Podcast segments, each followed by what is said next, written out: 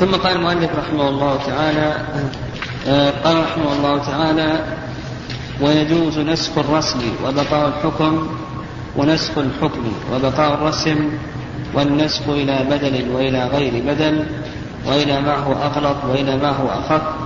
ويجوز نسخ الكتاب بالكتاب ونسخ السنة بالكتاب ونسخ السنة بالسنة. ويجوز نسخ المتواتر بالمتواتر منها ونسخ الآحاد بالآحاد. ولا يجوز نسخ المتواتر بالآحاد ذكر المؤلف رحمه الله آه، أقسام النسخ. فنقول النسخ ينقسم إلى عدة آه، أقسام باعتبارات مختلفة. نقول بأن النسخ ينقسم إلى عدة أقسام باعتبارات مختلفة. الاعتبار الأول الاعتبار الأول باعتبار وقته الاعتبار الأول باعتبار وقته فينقسم إلى قسمين.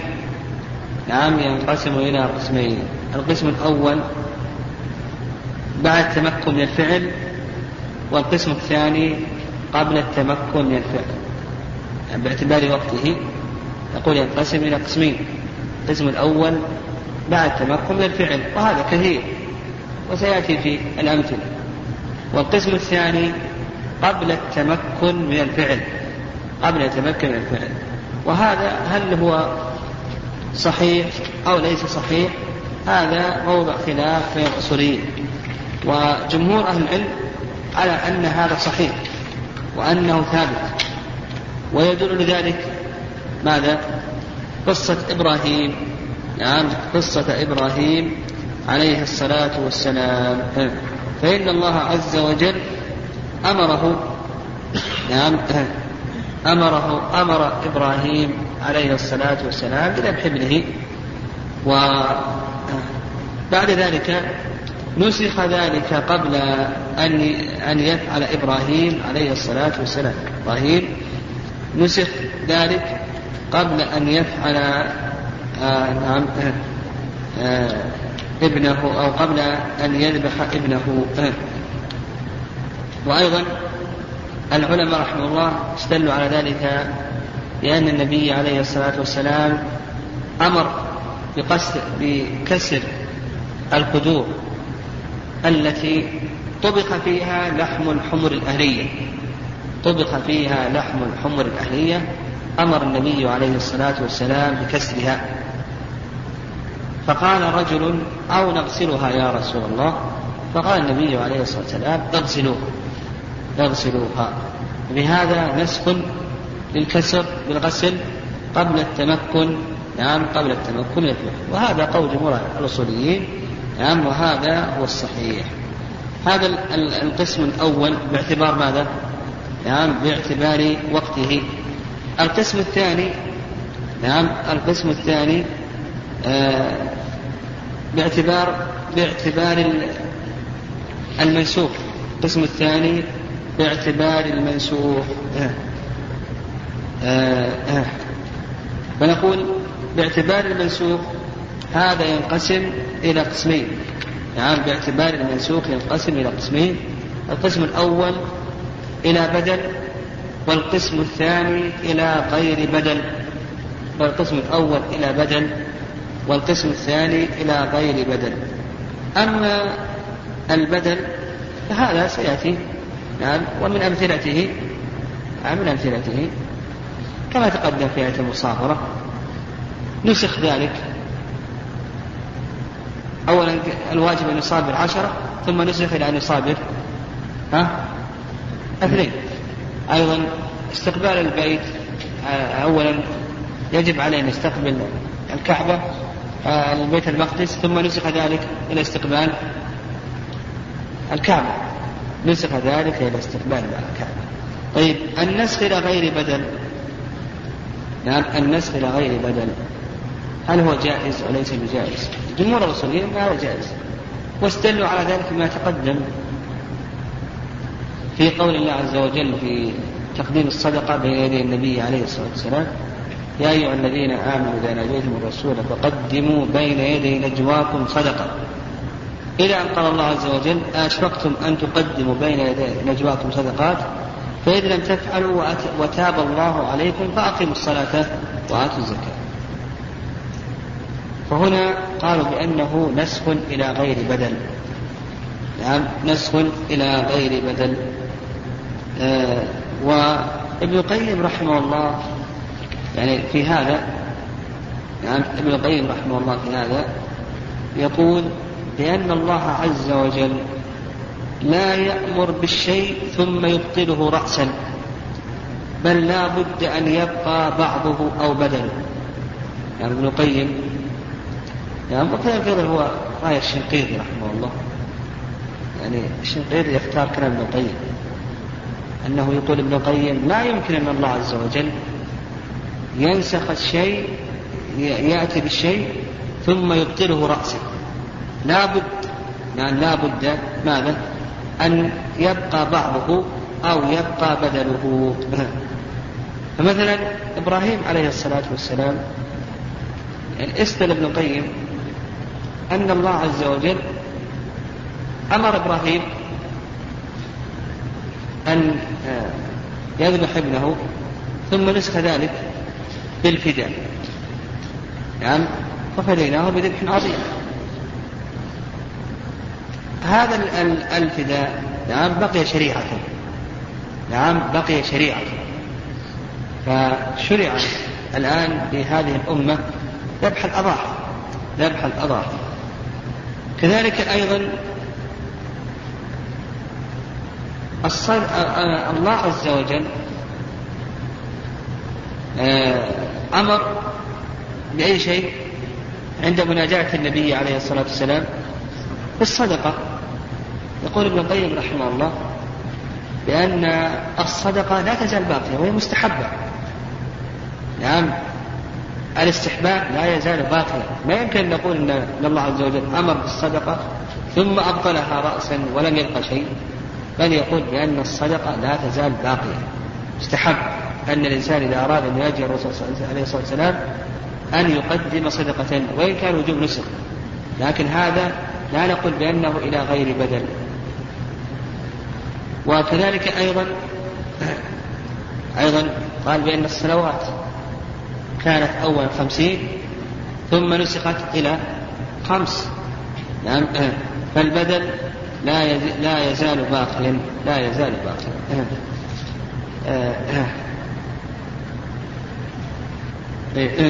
واستدلوا أيضا على ذلك يعني استدلوا على ذلك بقول الله عز وجل ما ننسخ من آية أو ننسها نأتي بخير منها أو مثلها. نأتي بخير منها أو مثلها. فالله عز وجل قال نأتي بخير منها أو مثلها. طيب قلنا بأن النسخ بالنسبة باعتبار المنسوخ ها ينقسم إلى ماذا؟ إلى قسمين القسم الأول إلى بدل والقسم الثاني إلى غير بدل.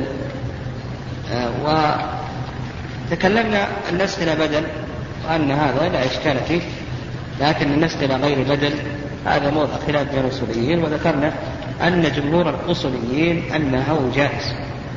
والرأي الثاني ذهب إليه بعض الأصوليين وهو مذهب ابن القيم رحمه الله وأيضا اختيار الشنقيطي رحمه الله تعالى. القسم الثالث نعم القسم الثالث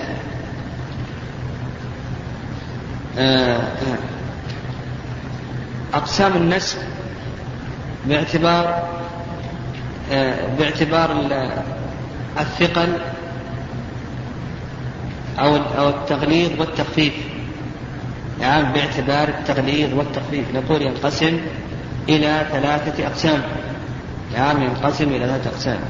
القسم الأول نسخ إلى ما هو أخف.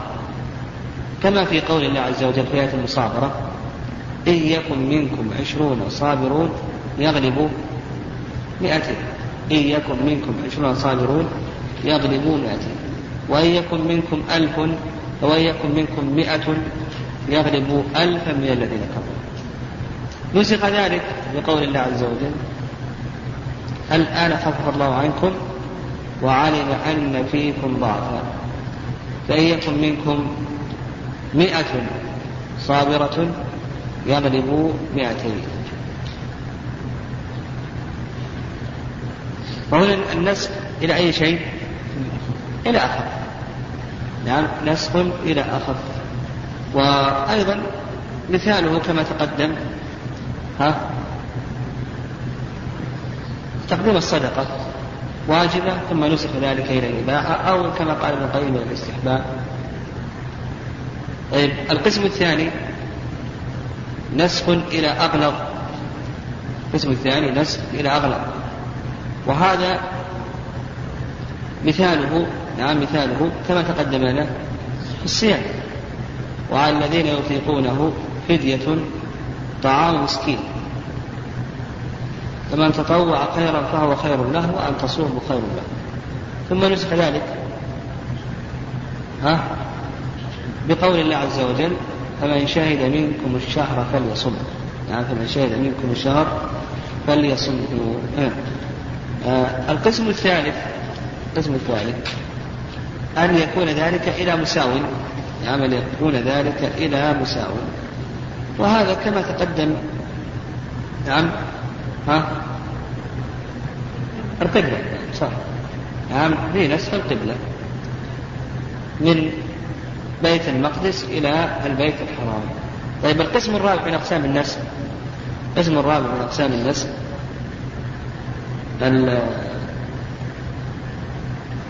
باعتبار بقاء الحكم واللفظ. باعتبار بقاء الحكم واللفظ. نعم باعتبار بقاء الحكم واللفظ. هذا أيضا نقول ينقسم إلى أقسام. القسم الأول نسخ الحكم وبقاء اللفظ. نعم نسخ الحكم وبقاء اللفظ. وهذا كثير كثير.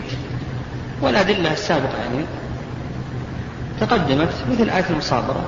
نسخ الحكم بقي اللفظ. مثل الصيام إلى تقديم الصدقة إلى آخره. نسخ الحكم وبقي ماذا؟ اللفظ. القسم الثاني القسم الثاني و و وال يعني والحكمة من ذلك قال العلماء رحمه الله الحكمة يعني كونه ينسخ الحكم ويبقى الحكمة تكثير الأجر بتلاوة اللفظ. نعم تكثير الأجر ب نعم بقراءة اللفظ.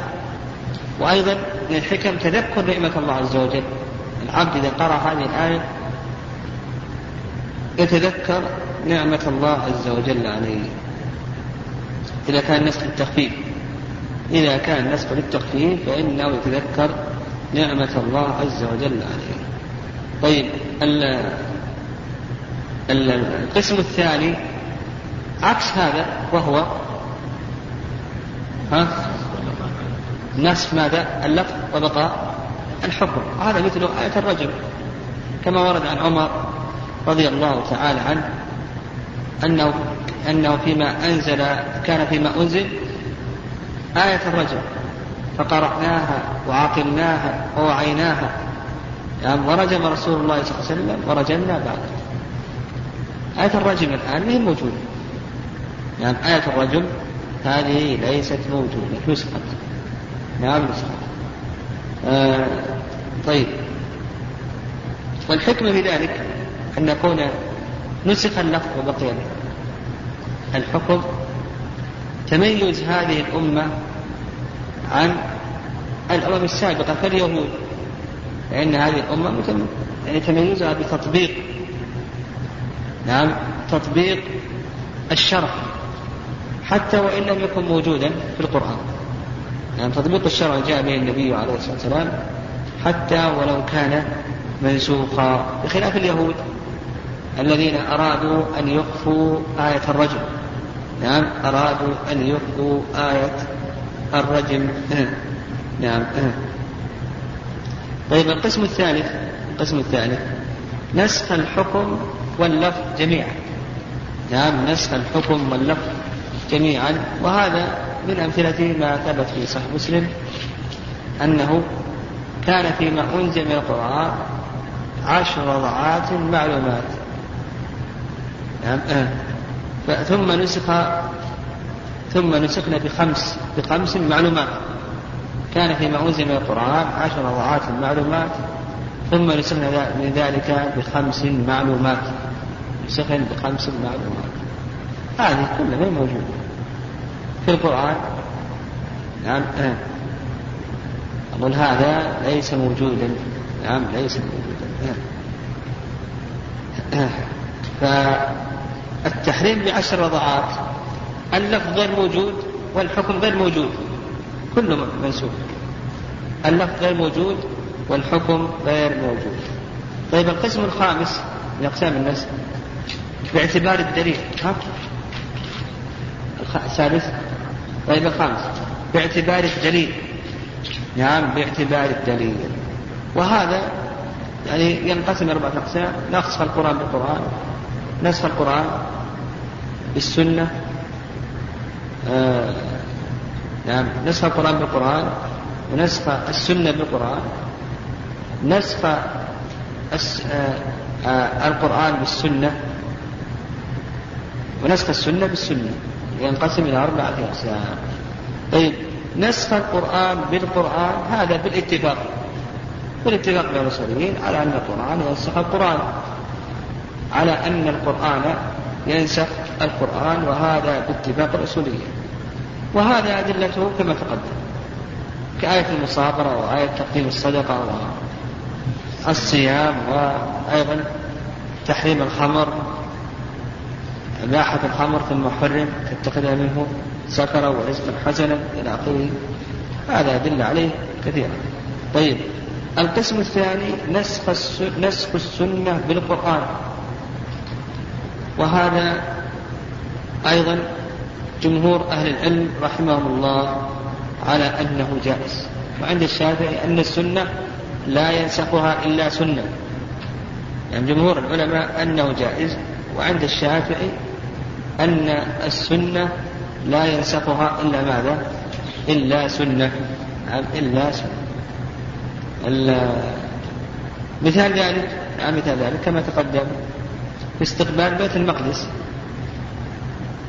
نسخه الله عز وجل بقوله فول وجهك شطر المسجد الحرام حيثما كنتم فولوا وجوهكم شطره. طيب القسم الرابع أو الثالث نسخ القرآن بالسنة.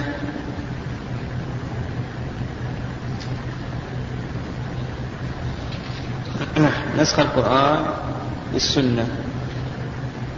وهذا أيضا جائز عند جمهور الأصوليين وعن عند الإمام أحمد يعني عن الإمام أحمد قال به الشافعي أن هذا غير جائز.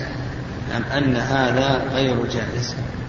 نعم والصحيح أنه جائز. نعم الصحيح أنه جائز. و نعم نسخ القرآن بالسنة الصحيح أنه جائز لكنه ينقسم إلى قسمين.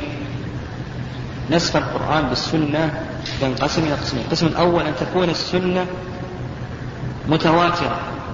فهذا جمهور العلم على أن السنة تنسخ القرآن. سنة تنسخ القرآن.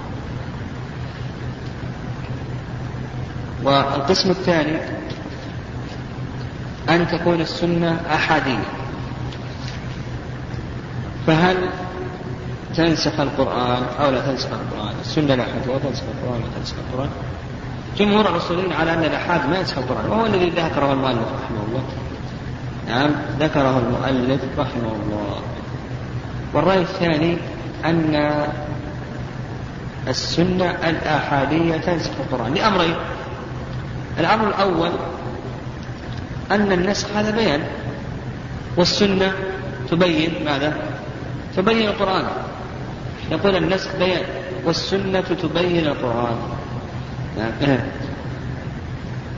والأمر الثاني أن محل النسخ هو الحكم وليس اللفظ. والحكم لا يشترط في ثبوته التواتر. نقول لأمرين الأمر الأول ماذا؟ ها؟ أن نسخ بيان والآحاد يبين المتواتر. كما أنه يبين المجمل. وكذلك أيضا يبين. نعم يبين الناس. والثاني أن محل النسخ هو الحكم. ها؟ والحكم يثبت بالآحاد أو لا يثبت بالآحاد؟ يثبت. لا يشترط التواتر لإثبات الحكم. لا يشترط التواتر لإثبات الحكم. طيب. مثال ذلك يعني يعني مثلوا نسخ السنة القرآن السنة المتواترة تمسك القرآن. قالوا بالرضعات. كان فيما أنزل القرآن عشر رضعات ثم نسخ من ذلك بخمس. فالعشر رضعات هذه في القرآن ثم نسخ بخمس في السنة كما ثبت في صحيح مسلم. نسخ القرآن بالسنة الآحادية. هذا مثاله. قول الله عز وجل يوصيكم الله في نعم قول الله عز وجل كتب عليكم. إذا حضر أحدكم الموت إن ترك خيرا الوصية للوالدين والأقربين. فقال وصية للوالدين والأقربين. ثم نسخ ذلك بقول النبي عليه الصلاة والسلام لا وصية لوارث. نعم لا وصية لوارث نعم لا وصية لوارث مع أن بعض العلماء أصلا ينازع في أصل الاستدراك هذا ويقول أن أنه لا يصار إلى النسب إلا إذا تعذر. تعذر جمع وهنا الجمع غير متعذر. يعني الجمع هنا غير متعذر.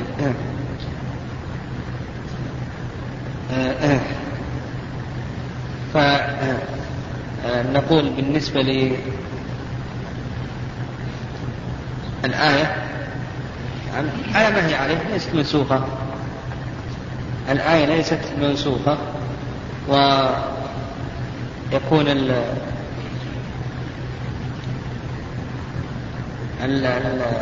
الأقرب الأقربين الوصية يعني كتب عليكم. الكتب لا يزال باقي.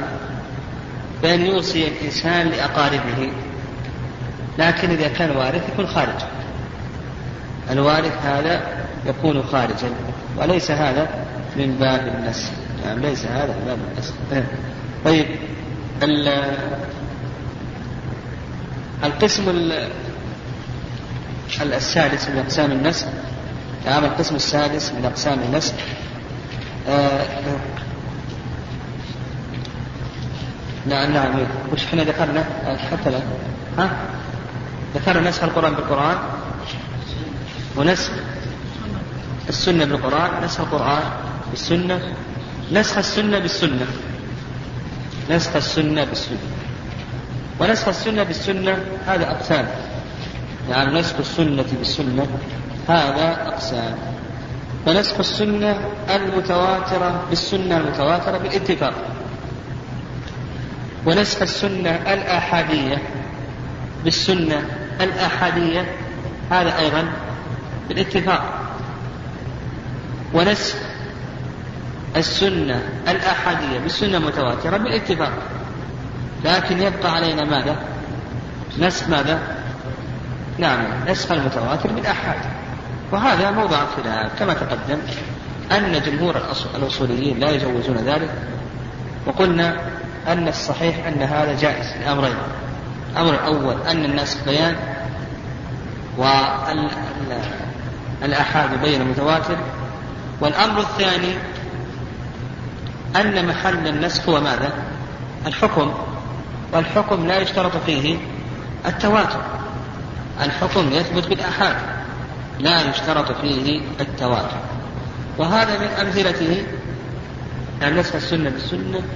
قول النبي عليه الصلاة والسلام كنت نهايتكم عن زيارة القبور كنت نهايتكم عن زيارة القبور فزوروها. يعني فهنا نسخ. نعم نسخ. آه السنة السنة نسخ السنة. آه بقي علينا من المسائل المهمة آه في آه في مسائل النسخ. آه الزيادة على النص. وهذه مسألة مهمة لأن عند الحنفية من أصول الحنفية يعني يرتبون عليها فروع كثيرة. لأن الحنفية يرتبون عليها فروعا كثيرة يعني ما يتعلق بالزيادة عن النص وهذه القاعدة التي قاعدوها الحنفية حقيقة أنها أدت إلى يعني آه، أدت إلى طرح كثير من ال من ال أظن من السنة الثابتة عن النبي عليه الصلاة والسلام لما يعني يتعلق بزيادة على النص تجد أنه يقول هذه زيادة على النص يعني والزيادة على النص نسخ. والآحاد لا ينسخ المتواتر. يعني هذه قاعدة عند الرسول عند الحنفية كثير كثير ولكن خالف فيها كثيرا من السنة الصحيحة. يعني وأنت إذا قرأت في كتبهم التفريعية تجد مثل هذه العبارات عندهم فنقول الزيادة على النص هذه تنقسم إلى أقسام. تنقسم إلى أقسام. القسم الأول زيادة مستقلة عن المزيد. نعم نقول القسم الأول زيادة مستقلة عن المزيد ولا تتعلق به سواء كانت من جنسه أو كانت من غير جنسه نقول القسم الأول زيادة مستقلة عن المزيد ولا تتعلق به سواء كانت من جنسه أو كانت من غير جنسه من جنسه أو كانت من غير جنسه من جنسه مثلا زيادة صلاة على الصلاة الخمس هذا ليس نسخا بالاتفاق. يعني ليس نسخا بالاتفاق. فمثلا عند الحنفية الصلوات المفروضات خمس لكن أيضا الوتر يرون وجوبا يرون وجوب الوتر هذا لا يسمونه نسخا بالاتفاق. يعني بالاتفاق أنه ليس نسخا. مثلا عند الحنفية صلاة العيدين فرض عين. فرض عين. هنا في زيادة صلاة على الصلوات الخمس. بالاتفاق أنه ليس نسخا. يعني بالاتفاق على أنه ليس نسخا. لأن الزيادة هنا مستقلة عن المزيد ولا تتعلق به. سواء كانت من الجنس. طيب من غير الجنس أيضا بالاتفاق على أنه ليس نسخا. وجبت الصلاة ثم بعد ذلك أوجب الله الصيام.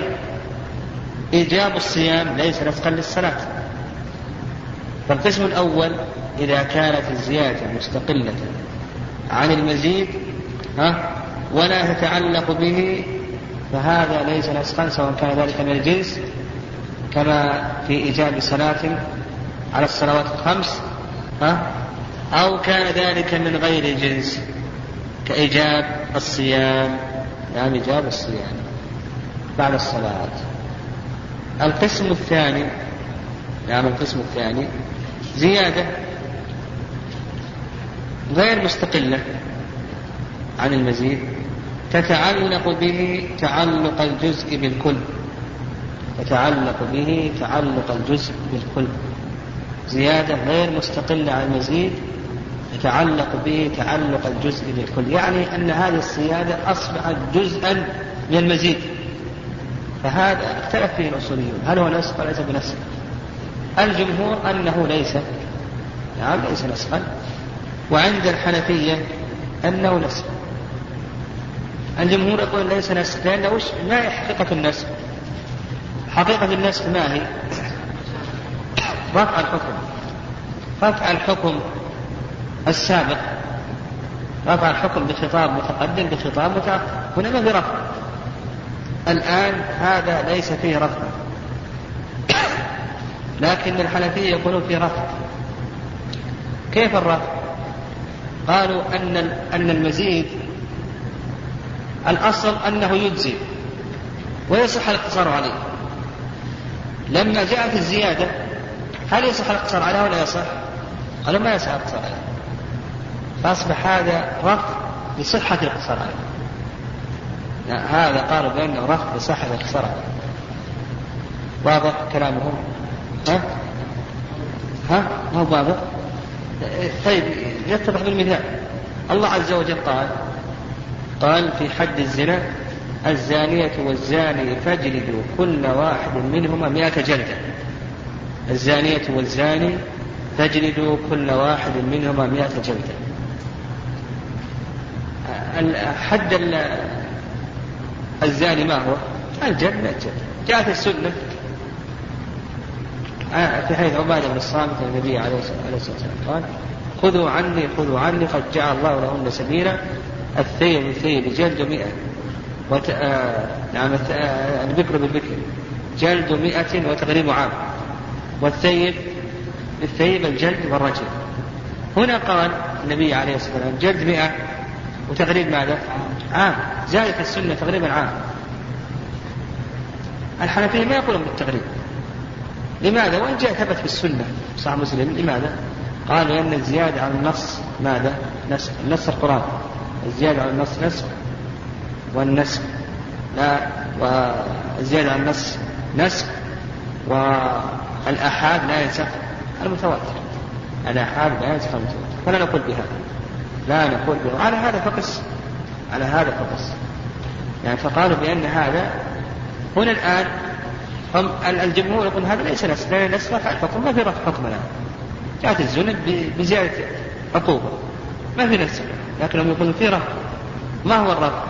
الرفع أنه الأصل أنه يجوز أن تقتصر على جلد المياه يوم جاءت السنة هل يجوز تقتصر على المياه ولا يجوز؟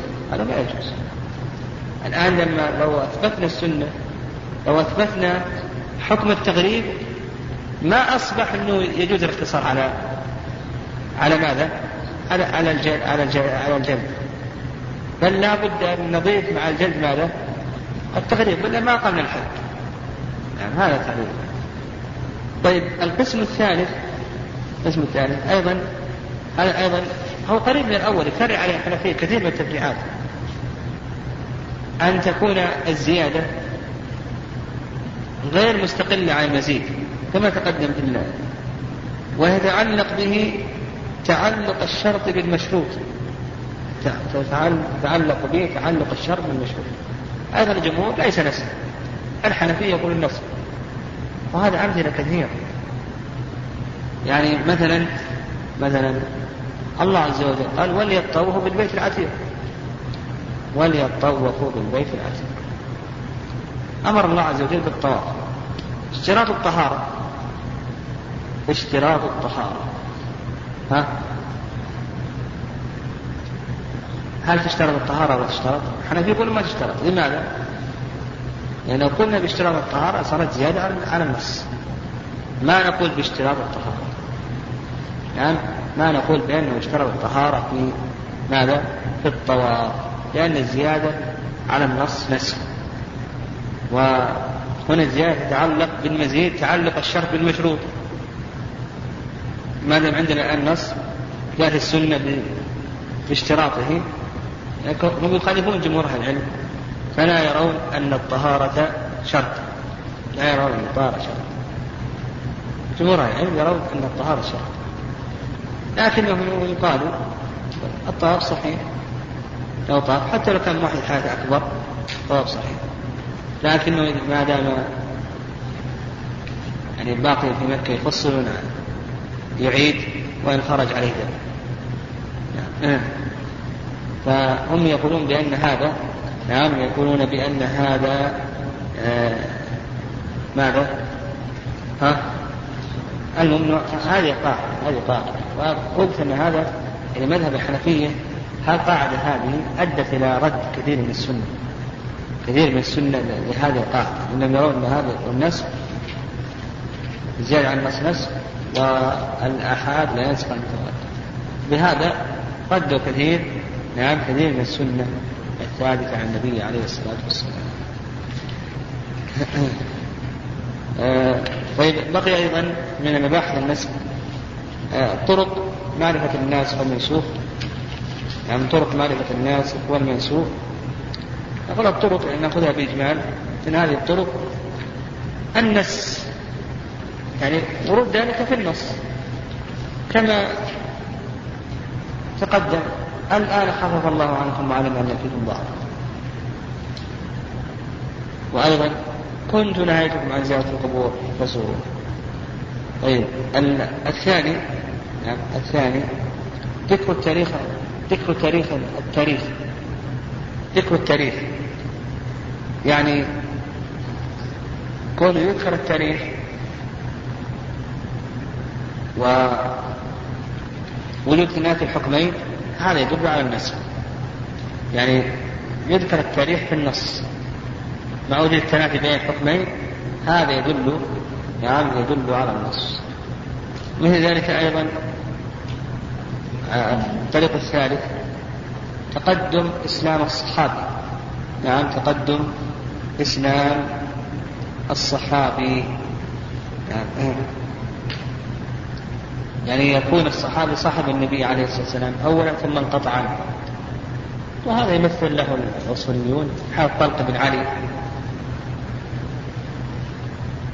حديث طلق بن علي.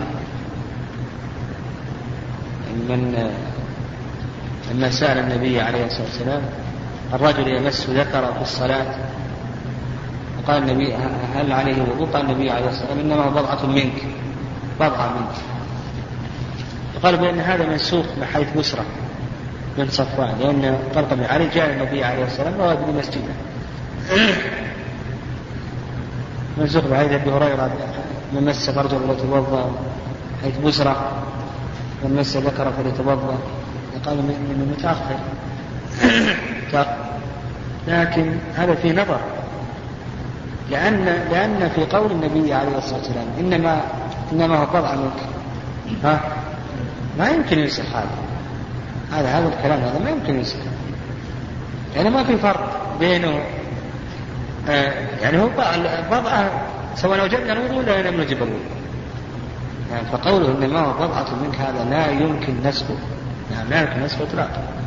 خبر هذا. ما يمكن النسخ ما يطلق الأخبار. المهم هذا مثله الاصوليون كذلك أيضا الاجماع إجماع الصحابة إجماع الأمة على أن هذا منسوخ وأن النسخ له كذا وكذا. لأن الأمة لا يمكن أن تجمع على خلاف على خلاف الحق. وأيضا من الطرق إخبار الراوي. الراوي بأن يقول الراوي كنا نفعل كذا أو رخص لنا مثل المتعة. يعني رخص الرسول صلى الله عليه وسلم في المتعة ثم لم يخرج ثم لم يخرج حتى نهانا عنها. ثم لم يخرج حتى نهانا عنها. فهذا يدل على النسب أيضا مما اختلف فيه العلماء رحمهم الله قول الصحابي هذا مسلوب أو مقبول أو ليس مقبولا؟ يعني جمهور الأصوليين أنه غير مقبول. يعني إذا قال الصحابي هذا منسوخ. نعم جمهور الأصوليين على أنه لا يحصل النسخ بذلك ثم قال المؤلف رحمه الله قال المؤلف رحمه الله تعالى في أحكام التعارض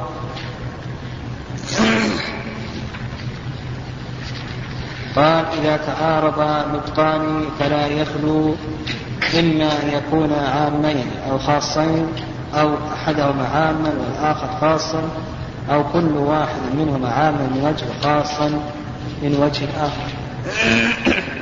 نعم التعارض هذا أيضا من المباحث المهمة من المباحث المهمة. آه، آه، التي آه، يتكلم عنها الأصوليون رحمهم الله يعني من بحث التعارض والترجيح. هذا من المباحث المهمة التي يحتاج إليها الفقيه. عموما الفقيه غير الفقيه. كل طالب علم نعم يحتاج إلى معرفة ما يتعلق بالتعارض وما هو الطريق. إذا وردت لديه الأدلة متعارضة أو في ظاهرها أنها متعارضة نعم و ويعلم نعم يعلم أن التعارض في الحقيقة بين النصوص هذا ليس موجود نعم.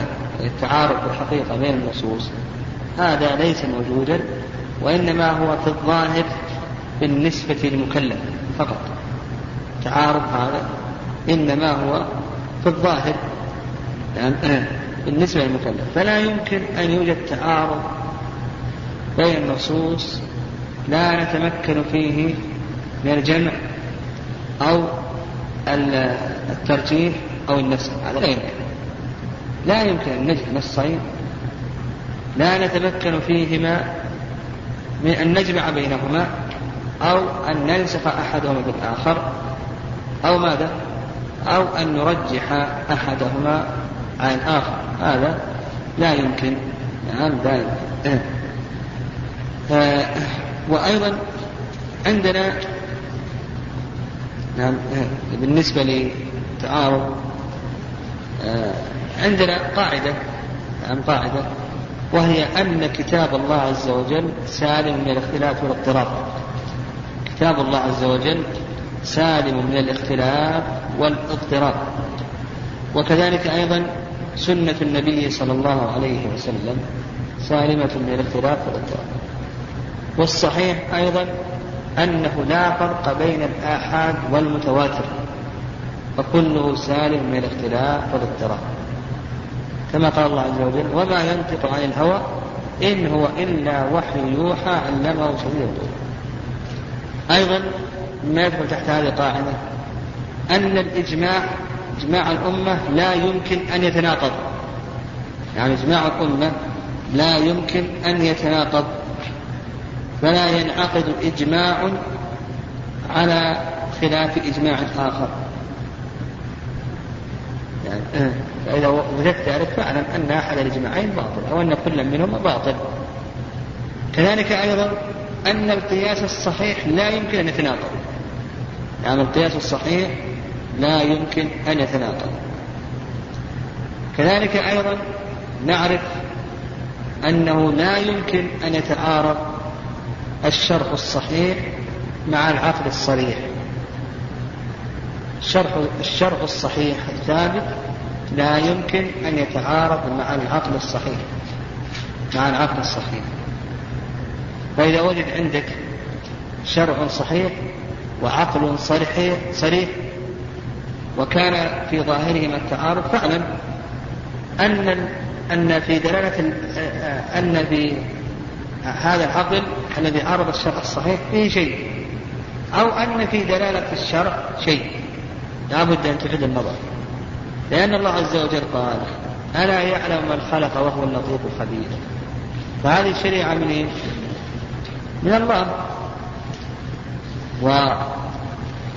والذي خلق الخلق هو الله عز وجل. لا يمكن وجود التعارض. نعم لا يمكن التعارض. أننا إذا وجدنا التعارض بين خبرين نعم. نعم. إذا وجدنا التعارض بين خبرين أو نقول لا يمكن التعارض بين خبرين. لأن إذا وجدنا تعارض بين خبرين فهذا لا شك أن أحدهما باطل. لا شك أن أحد الخبرين باطل. غير ثابت. لا يمكن أن يوجد تعارض بين خبرين من كل وجه. لأن هذا يؤدي إلى ماذا؟ إلى تكذيب تكذيب الخبر الآخر. أنا قلت بأن هذا نعم هذا باطل. أيضا لا يمكن التعارض نعم بين الخبر والقياس. خبر وقياس لا يمكن التعارض. فالخبر إما أن يكون غير صحيح أو القياس يكون فاسد. إما أن يكون الخبر غير صحيح أو يكون القياس فاسد. كذلك أيضا لا يمكن أن يتعارض دليلان قطعيان سمعيان. دليلان قطعيان سمعيان. أو دليلان قطعيان عقليان أو أحدهما سمعي والآخر عقلي.